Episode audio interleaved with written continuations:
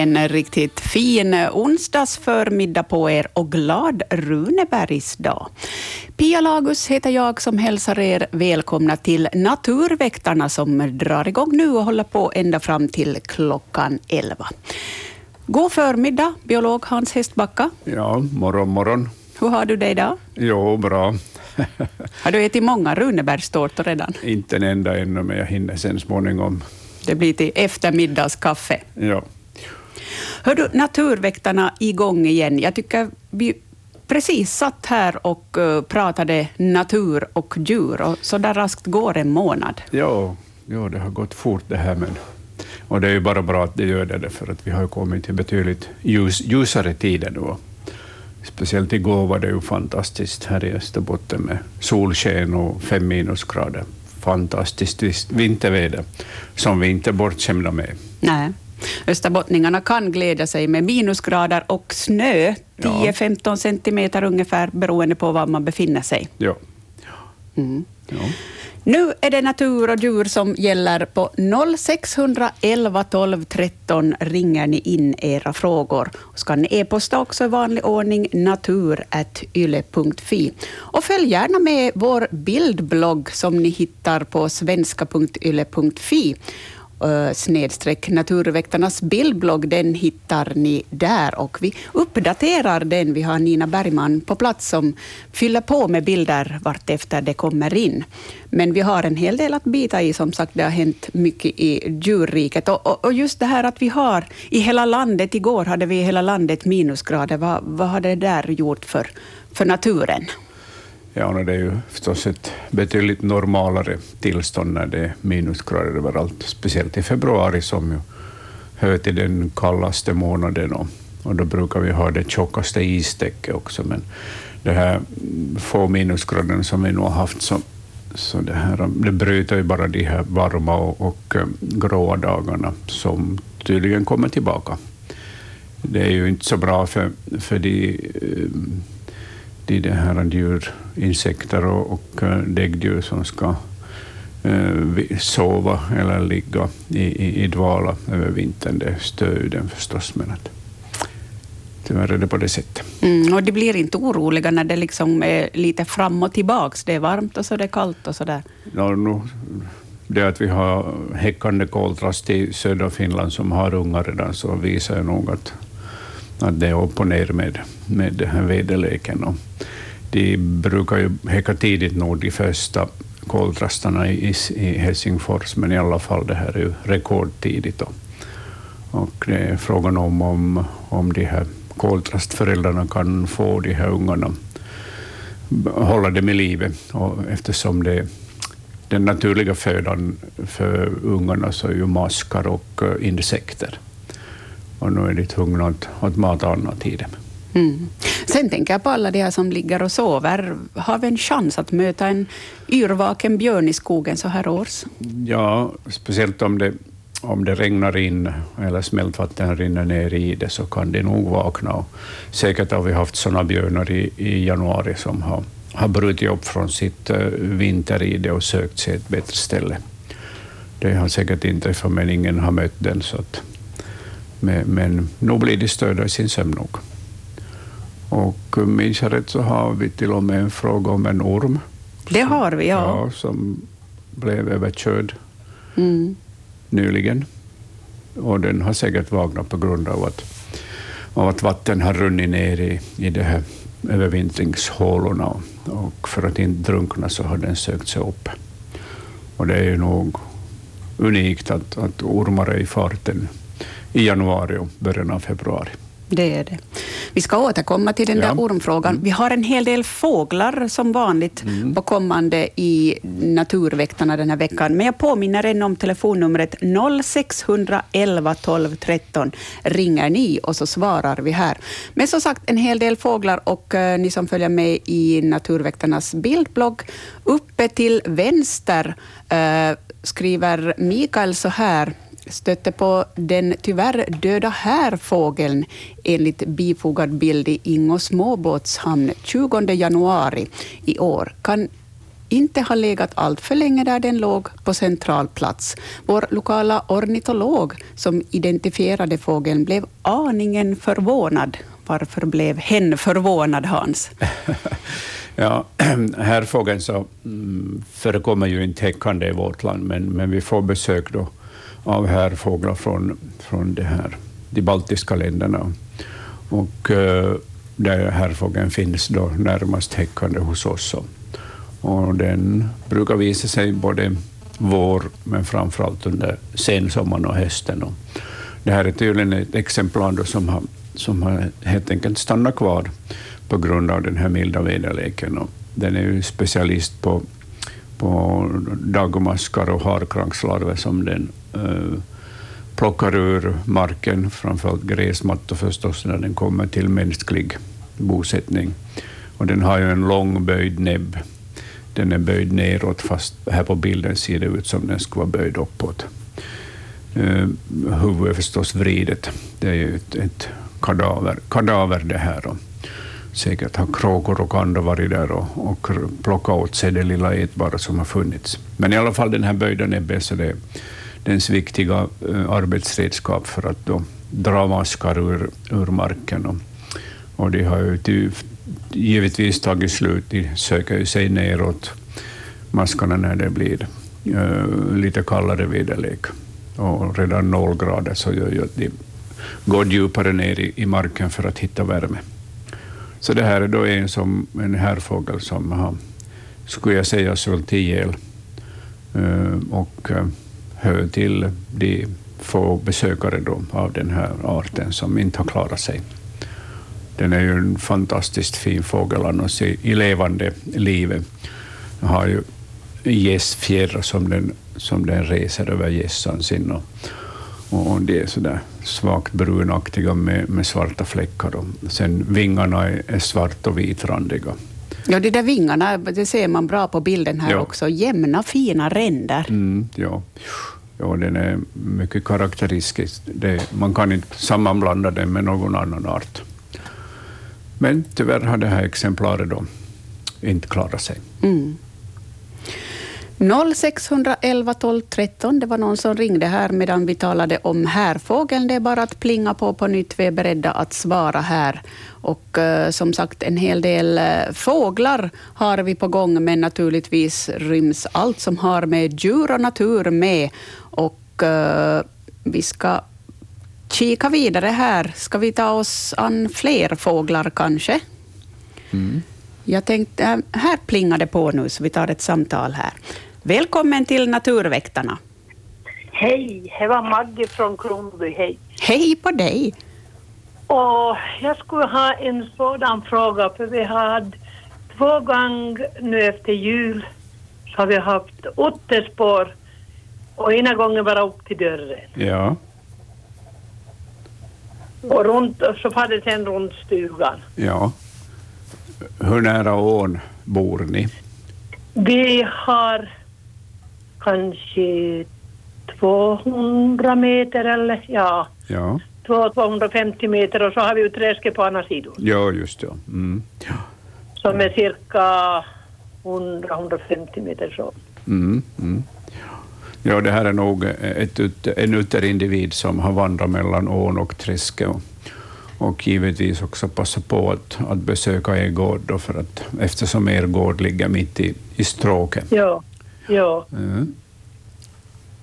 Och är tydligen riktigt hur det är med svansen släpande efter sig. Ja, ja det, uttern har ju återkommit ganska bra i, i vårt land och, och, finns eh, förutom då förstås i de här sötvattnen, åarna och, och också sjöar sommartid så, så har den ju återkommit i skärgården också. Det är ett gott tecken. Miljögifterna har försvunnit från havet. Och det är ju inte så mycket snö heller till spring i. Nej. Ja, men det kan. Så det är inte något ovanligt att det söker sig det nära huset? No, det är så ovanligt att de kommer upp på trappan. Det, det är förstås um, hör till undantagen, men utan är ju fridlyst sedan många år och, och um, när en art inte jagas så blir den ju uh, mindre oskygg för människan och därför kan den ja. komma så här nära in på gårdarna. Un, Ja, under så den- he, ja. he, he, he, som med andra ord inte är ovanligt. Nu är det ovanligt att det kommer upp på trappan, det är det nog. Ja. Mm. Ja. Så jag ringde åt pojken min samma kväll, men han trodde inte att det skulle komma så där Ja. nära trappan. Men han var nog si på spåren att det, det stämmer nog. Ja, ja. ja, visst är det ovanligt. Ja, roligt i alla fall till upptäckte vi det. Visst är det det. Mm. Jo. No, men det var bara det som jag ville fråga om. Ja. Tack ska ni ha. Tack för ditt samtal. Ja, Mm. hej då. Hej då. Mm, trevligt med nya bekantskaper. Ja, visst är det det. Eh, Utan har ju funnits i alla tider i Kronoby och precis som i andra österbottniska år där det finns fisk. Fisk är ju huvudfödan för dem och också övervintrande grodor på, på bottnen. Men eh, Eh, just det här att, att djuren kan bli så här orädda, så det är ju ett, ett gott tecken. Det för att de inte jagas så, så upplever de inte människan som farlig. Och vi har ju samma fenomen i, i städerna där, där inte jakt förekommer och där de här djuren är eh, betydligt oräddare än, än ute på landet i jaktmarkerna. Mm. Då lyfter vi på luren igen. Välkommen till Naturväktarna. Hej, det var här fr- från Vörå. Hej! Jag hade funderat på en, en fjäril som är ungefär 2,5 centimeter lång. Den är lite grågrön och genomskinlig som är, som är på inomhus. Är det. Jag har sett den tidigare om så vad det kan vara för sorts fjäril. Mhm. Eh, Var, var, var har du observerat den där riktigt? På fönstret på kvällarna. När, när det, men det är inomhus nu. Det är inomhus, just det. Mm. Eh, är den mellan fönstren eller? Nej, nej, det är nog in, inne i huset. Ja, har den uh, genomskinliga vingar? Ja, Ja. Det är en stinkslända som, Jaha. som det här gärna övervintrar inomhus. ja. Uh, du sa den är, vad har den för färg nu? Är så det är grå Ja. skiften, lite på grön skiften. Ja, ja det är, när de är ute i naturen så är de helt gröna. Och Ja. eh, också när de kommer in i, i, bostaden på hösten, men sen småningom försvinner den här gröna färgen och då, får de, då kan de bli uh, grågröna eller, eller gråbruna till, till Ja. färgen.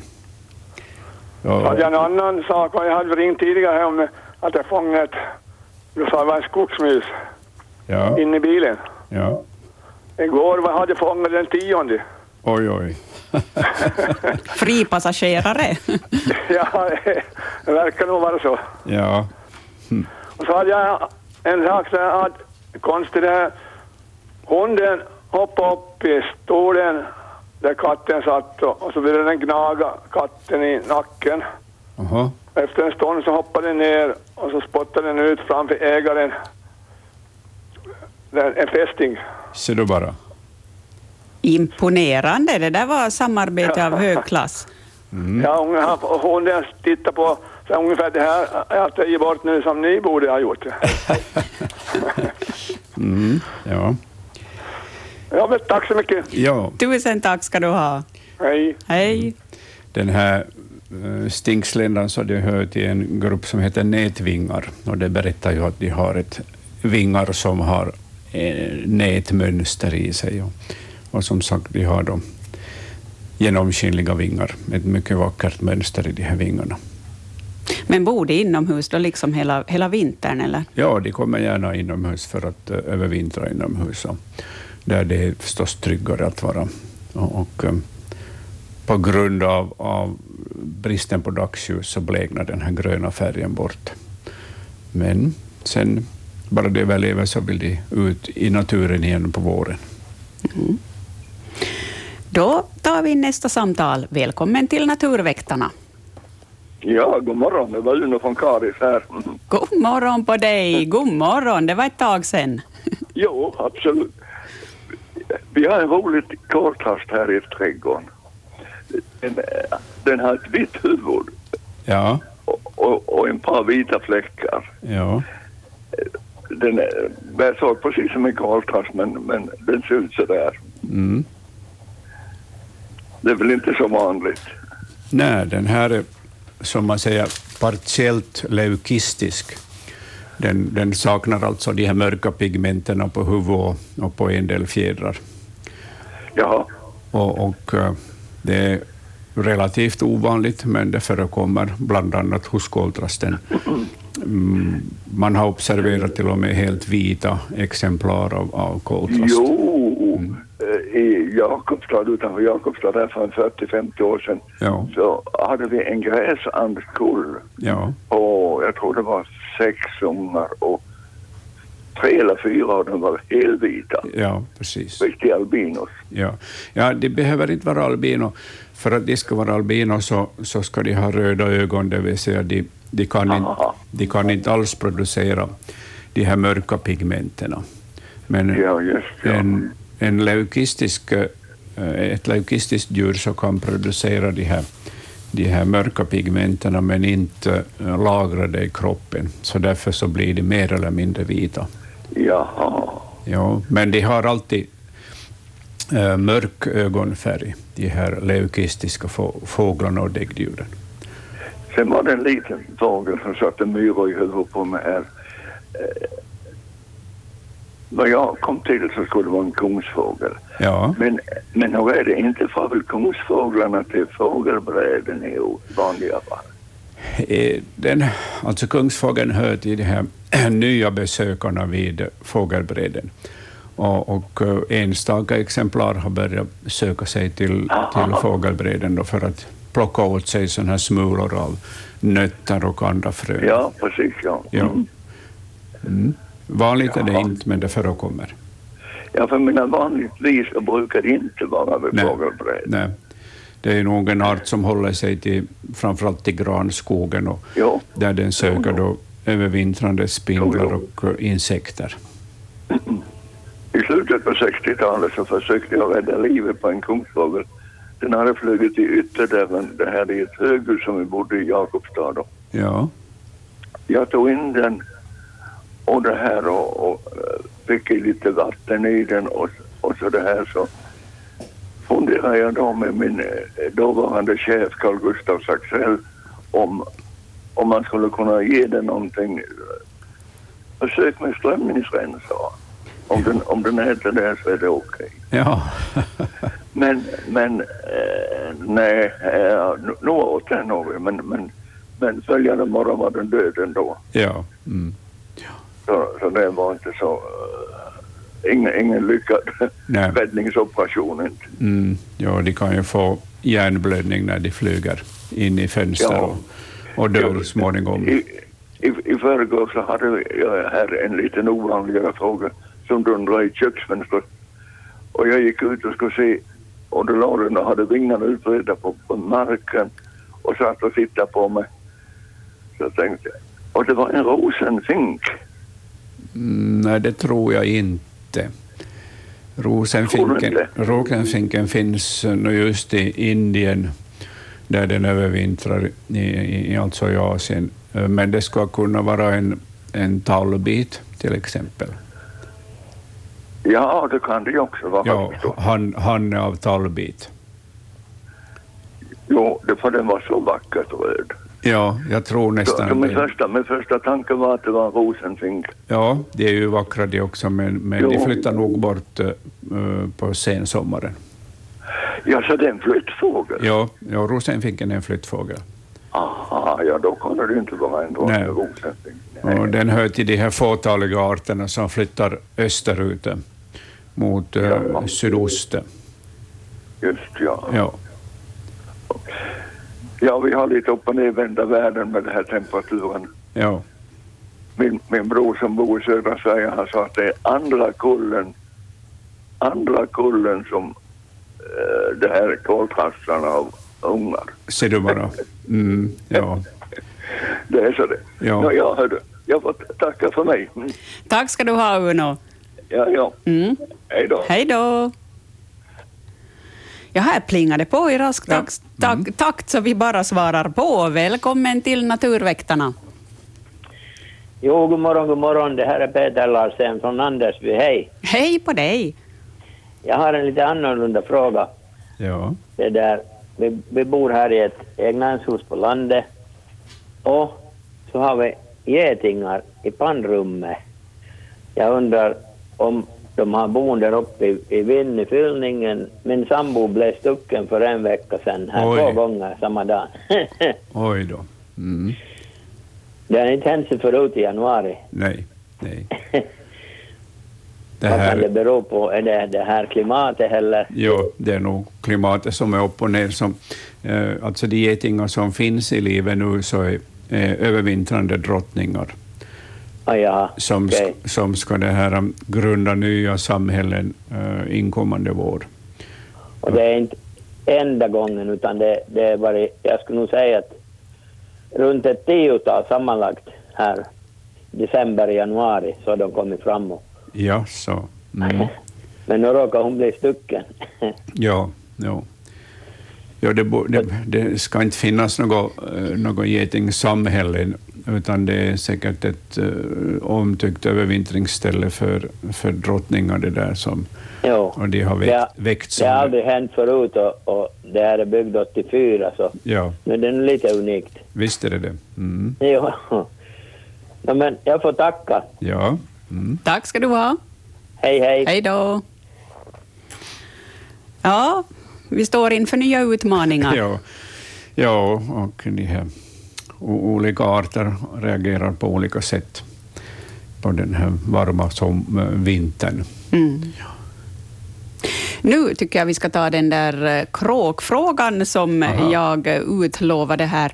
Eh, Man kan ju också skicka in filmer eller framförallt ljud till oss här i Naturväktarna och vi har fått in ett ljud och en liten filmsnutt.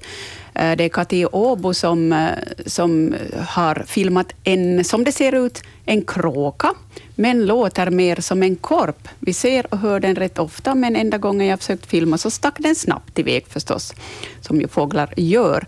Vet att många fåglar gillar att härma olika ljud, men hör gärna Naturväktarnas kommentar om denna. Och vi ska lyssna på kråkan.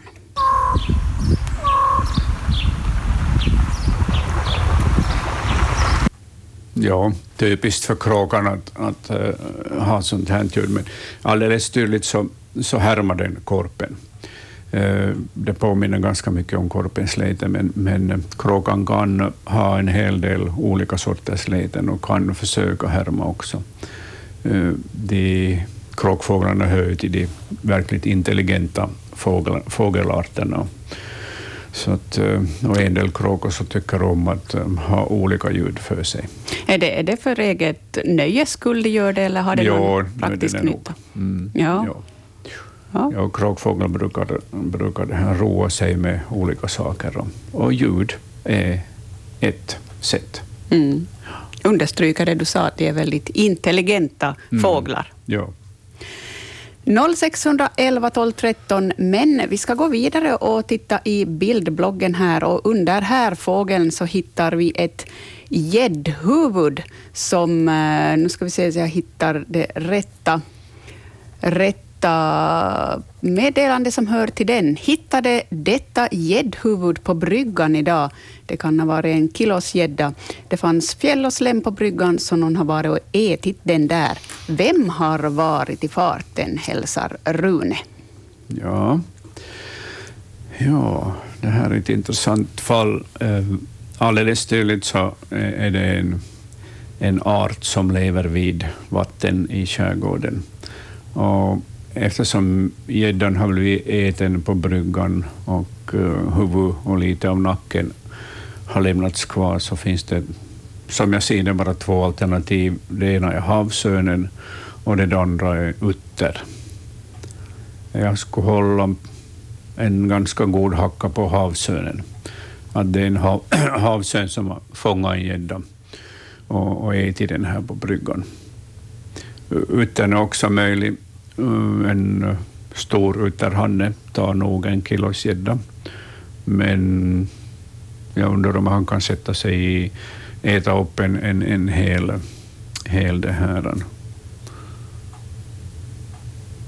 hel gädda på ett kilo. Det är nog frågan om. Kan det vara flera?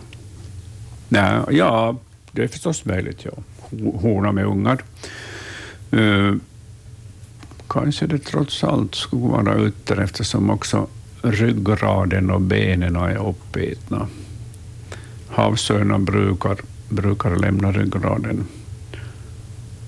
Ja, det är ett fint jobb mm. den har gjort här. Det är bara, bara nästan huvudet som är kvar, som ja, sagt. Ja. Mm. Ja. Ser aptitligt mm. ut. Ja, det är alldeles fräscht och fint det här. Så det, um, utter eller havsörn, ja. Mm. Jag blev lite betänksam när jag konstaterade att ryggraden saknas. Uh, havsörnen äter ju nog stora fiskben också. Och så att uh, om det har varit ett verkligt hungrigt exemplar så kan den nog slita av ryggraden och, och äta delar av den här ryggraden. Mm. Ja, men någon där, utter eller havsörn. Någon blev mätt i alla fall. Mm, ja. Då lyfter vi på luren och säger välkommen till Naturväktarna. Det var Ulla-Maj här, hej. Hej på dig. Hördu, jag var ute i våra sommarställe i torsdags och jag ligger på berget. Och när jag steg ur bilen så hörde jag något känt ljud. Och, och det där alltså kom två gråhägrar flygande. Kan de vara kvar över, över vintern? Ja, i södra Finland finns det över vintern. Ja, men det var ju på berget det där. Ja, ja. Och, och, ja, de satte sig då sedan i varsin sån grantopp. Och jag skulle nästan tippa på att det finns eh, i Björneborg, i Kumo älvs deltaområde också övervintrande gråhägrar. Och, och de, Men vad lever de på då? Fisk. Jaha, jo, ja. jo, det var ju öppet vatten. Jo, det, det finns öppet vatten så att de, de klarar sig bra. Mm, och, de var där hela senaste sommar och så. Mm, mm. Så det var sånt välbekant ljud, men jag tänkte att inte kan det vara på vintern. Ja, eftersom vi har en så mild vinter som vi har så finns det alla möjligheter för dem att, att klara sig. Det, ja, fin, det finns ju övervintrande sädesärlor till exempel i år i Finland, för att nämna en annan fågelart som, som uh, klarar sig tack vare att det är så varmt. Mm. Nej, men bra. Jag tänkte jag måste nog fråga om jag kunde faktiskt ha två gråhägrar för jag såg ju att det inte var ju havsörnar. Inte, men, mm, mm. men för det. Tack ja, för det. Ja, tack. tack ska du ha. Hej då. Mm, hej. Ja, så där reagerar fåglarna på, på den här milda vintern. Och sen så har de ju vingar så de kan ju flyga vart de vill, de här fåglarna. De har ju all tid på sig att besöka olika platser i, i landet och har de vant sig vid att vara till exempel på berget så söker de sig dit så länge det är så här milt väder. Det måste ju ändå vara en spännande tillvaro för dig som biolog att vi har det här konstiga klimatet och, och det, ja, helt nya observationer som inte hör hemma den här årstiden. Ja, visst är det det. Ja. Och, och, um, det är otroligt intressant att se hur, hur olika arter reagerar på, på det här milda vädret. Det finns alltid individer som mm, försöker övervintra, som har en, en, så att säga, större benägenhet att stanna kvar om det är milt väder. Då. och de här sädesärlorna och gråhägrarna till exempel, som nu övervintrar i landet, så hör till den här kategorin. Och koltrasten har ju övervintrat i, i ganska många år i Finland redan men nu, de som övervintrar så reagerar på, på den här milda väderleken genom att börja häcka tidigt. Och, och eh, de utnyttjar den resurs som finns. Så att om, om vintern fortsätter så här så finns det förstås möjlighet att de kan få många kullar under vintern och våren och sommaren. Men det är fantastiskt tycker jag. De kan tänka om så att säga. Man, man tror ju att djur och fåglar i synnerhet är väldigt traditionsbundna. De gör precis som de alltid har gjort i generationer. Ja, men det finns alltid individer som, som avviker och som, eh, som det här leder in arten då på, på nya vägar när det finns den möjligheten. Det är på det sättet som, som eh, människan och andra djur har spridit sig över jordklotet också. Det finns de här som vill ströva omkring och upptäcka nya ställen och, och eh, söker upp nya resurser för att klara sig. Mm. Då ska vi ta en titt i Naturväktarnas bildblogg igen och vi har någonting som ser väldigt dött ut. Eh, från Forsby kommer den här bilden, Carl Gustav från Pedersöre, som skriver så här. Hej, det luktade förfärligt senaste vår och vi anade att lukten kom från ett djur som hade dött under huset i Torpagrunden. Stanken luktade som rutten fisk. Vi undrar om det är hund eller rev. no, det här mumifierade djuret som ligger här på fyllningen så Eh, ser mest ut som en rev, speciellt den här långa svansen. Eh, så säger jag nog att det är rev. Och reven brukar ju söka sig under hus.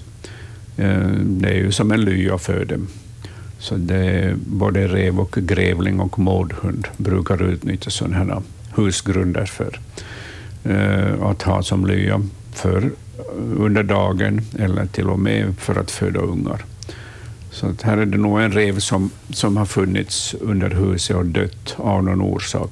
Den kan ha varit eh, starkt skabbangripen och dött av det till exempel. En rev i alla fall. Mm. Mm. Kännetecknande där alltså den långa svansen. Ja. Här ska vi nu ta en fråga som har kommit in till yle.fi. Det här är ingen bildfråga, men en kort och, go kort och god fråga från Markus. Hej, jag undrar om hjortar och rådjur äter kantareller när det finns spår av dem där svamparna har varit? Ja, det är möjligt. Ja. Jag har själv inte observerat att eh, vitsandshjort och, och rådjur skulle äta just kantarell, men de äter ju gärna svampar. Mm det är tänkbart att de gör det. Ja. fast jag inte har några egna observationer på det. För att, visserligen, eh, kantarellen har en ganska stark smak jämfört med soppor. Eh, soppar som, eh, och, och, och, riskor som de här eh, hjortdjuren äter ganska flitigt av. Så varför inte kantarell också? Men vi tar gärna emot lyssnarnas observationer på det här. Mm och, och ifall det finns eh, belagt att de faktiskt äter kantareller. Det är ju i så fall tråkigt, för att det är ju en, en, en svampart som många vill samla och äta och, och eh, som alla är säkra på. Så att om de här eh, hjortdjuren har börjat äta kantareller så blir det nog dåligt med kantarellskörden i, i skogarna. Ja, det är kamp om skogens guld. Ja, och det finns ju så otroligt mycket vitsvanshjort och rådjur idag, så att de, de, de äter nog upp alltid tycker om i det området där det finns mycket av dem. Och de lär ju sig förstås att äta nya, nya det här växtarter också, de här, de här hjortdjuren. Mm. Så det är tänkbart, men vi vill gärna ha mera observationer på det här. Hallå, hallå, välkommen till Naturväktarna. Nå, Siv här, hej. Hej på dig. Jag stod och såg på mina småfåglar igår. Vi hade en blåmes som satt och kikade på en av de här korvarna jag hade satt ut. Ja. Och den dansade bara på en kvist och dansa och dansa och dansa. Och den såg väldigt prydlig ut, lite större än vanliga blåmesar. Och sen så småningom så kom det en mindre som inte var riktigt lika tydlig i färgteckningen.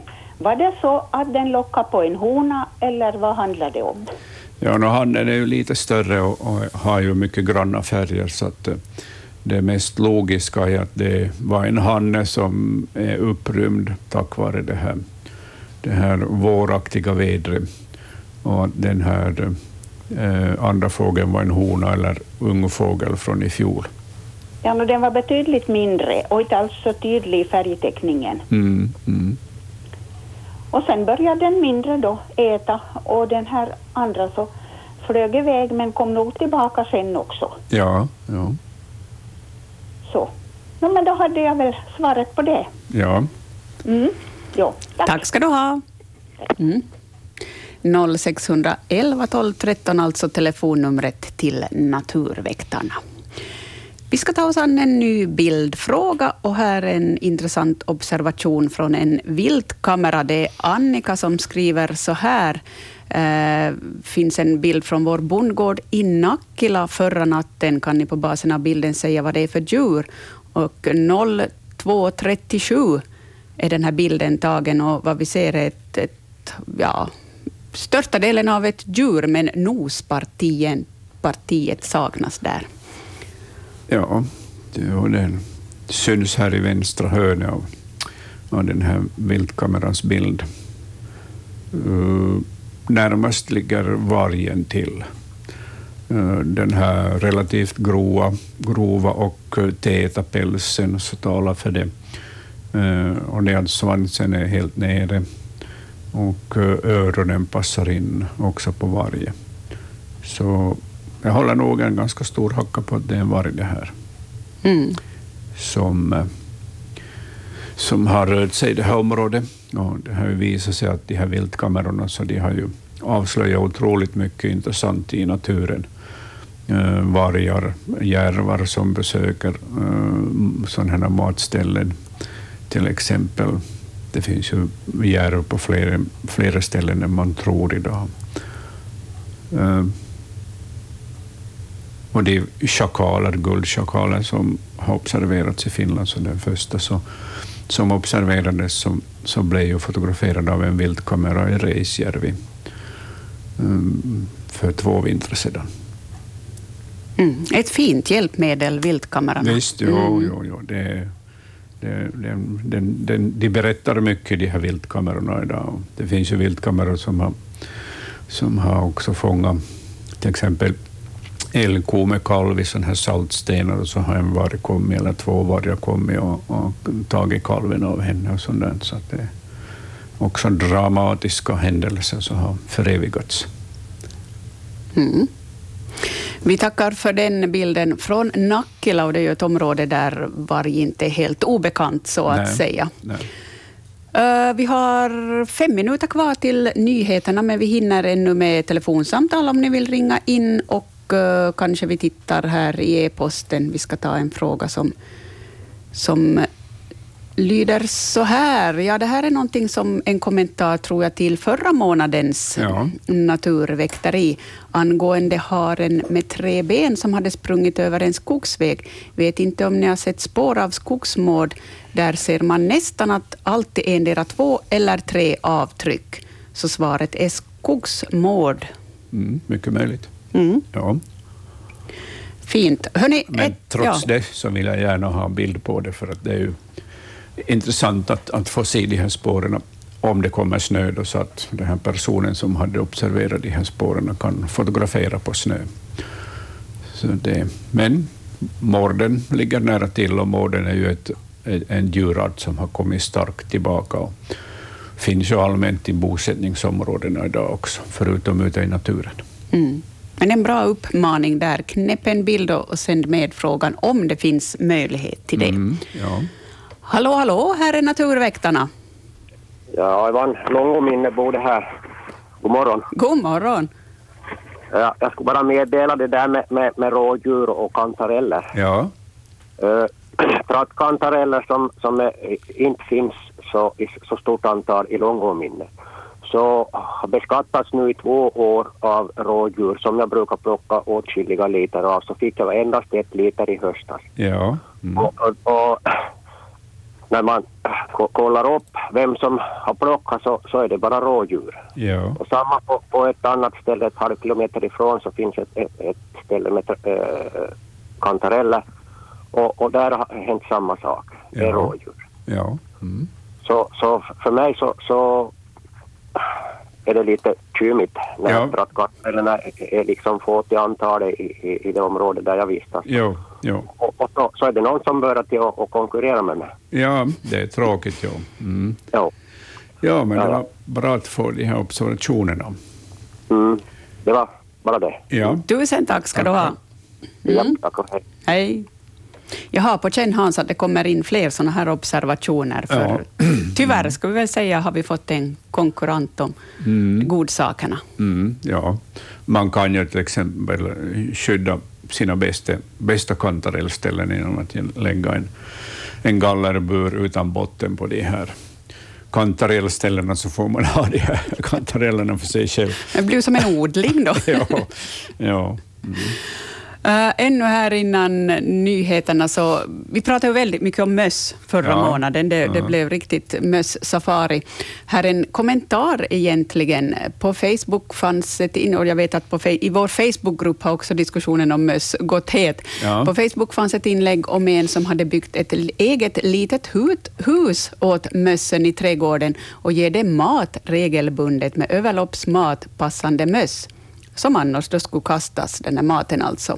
Har hört om andra liknande tillställningar också, har i dessa fall varit ett lyckat arrangemang och alla har varit nöjda. Mössen har försvunnit till skogs på våren och sommaren. Kanske något att pröva om det finns utrymme eller möjlighet. Ja, det här är gulligt att det finns mössmänniskor som sköter om de här små gnagarna utomhus, så att de hålls utomhus också. Varför inte? Det är ju eh, intressanta, både möss och sorkar är intressanta och eh, näpna i sin uppenbarelse. Trevligt att det finns mössmänniskor också.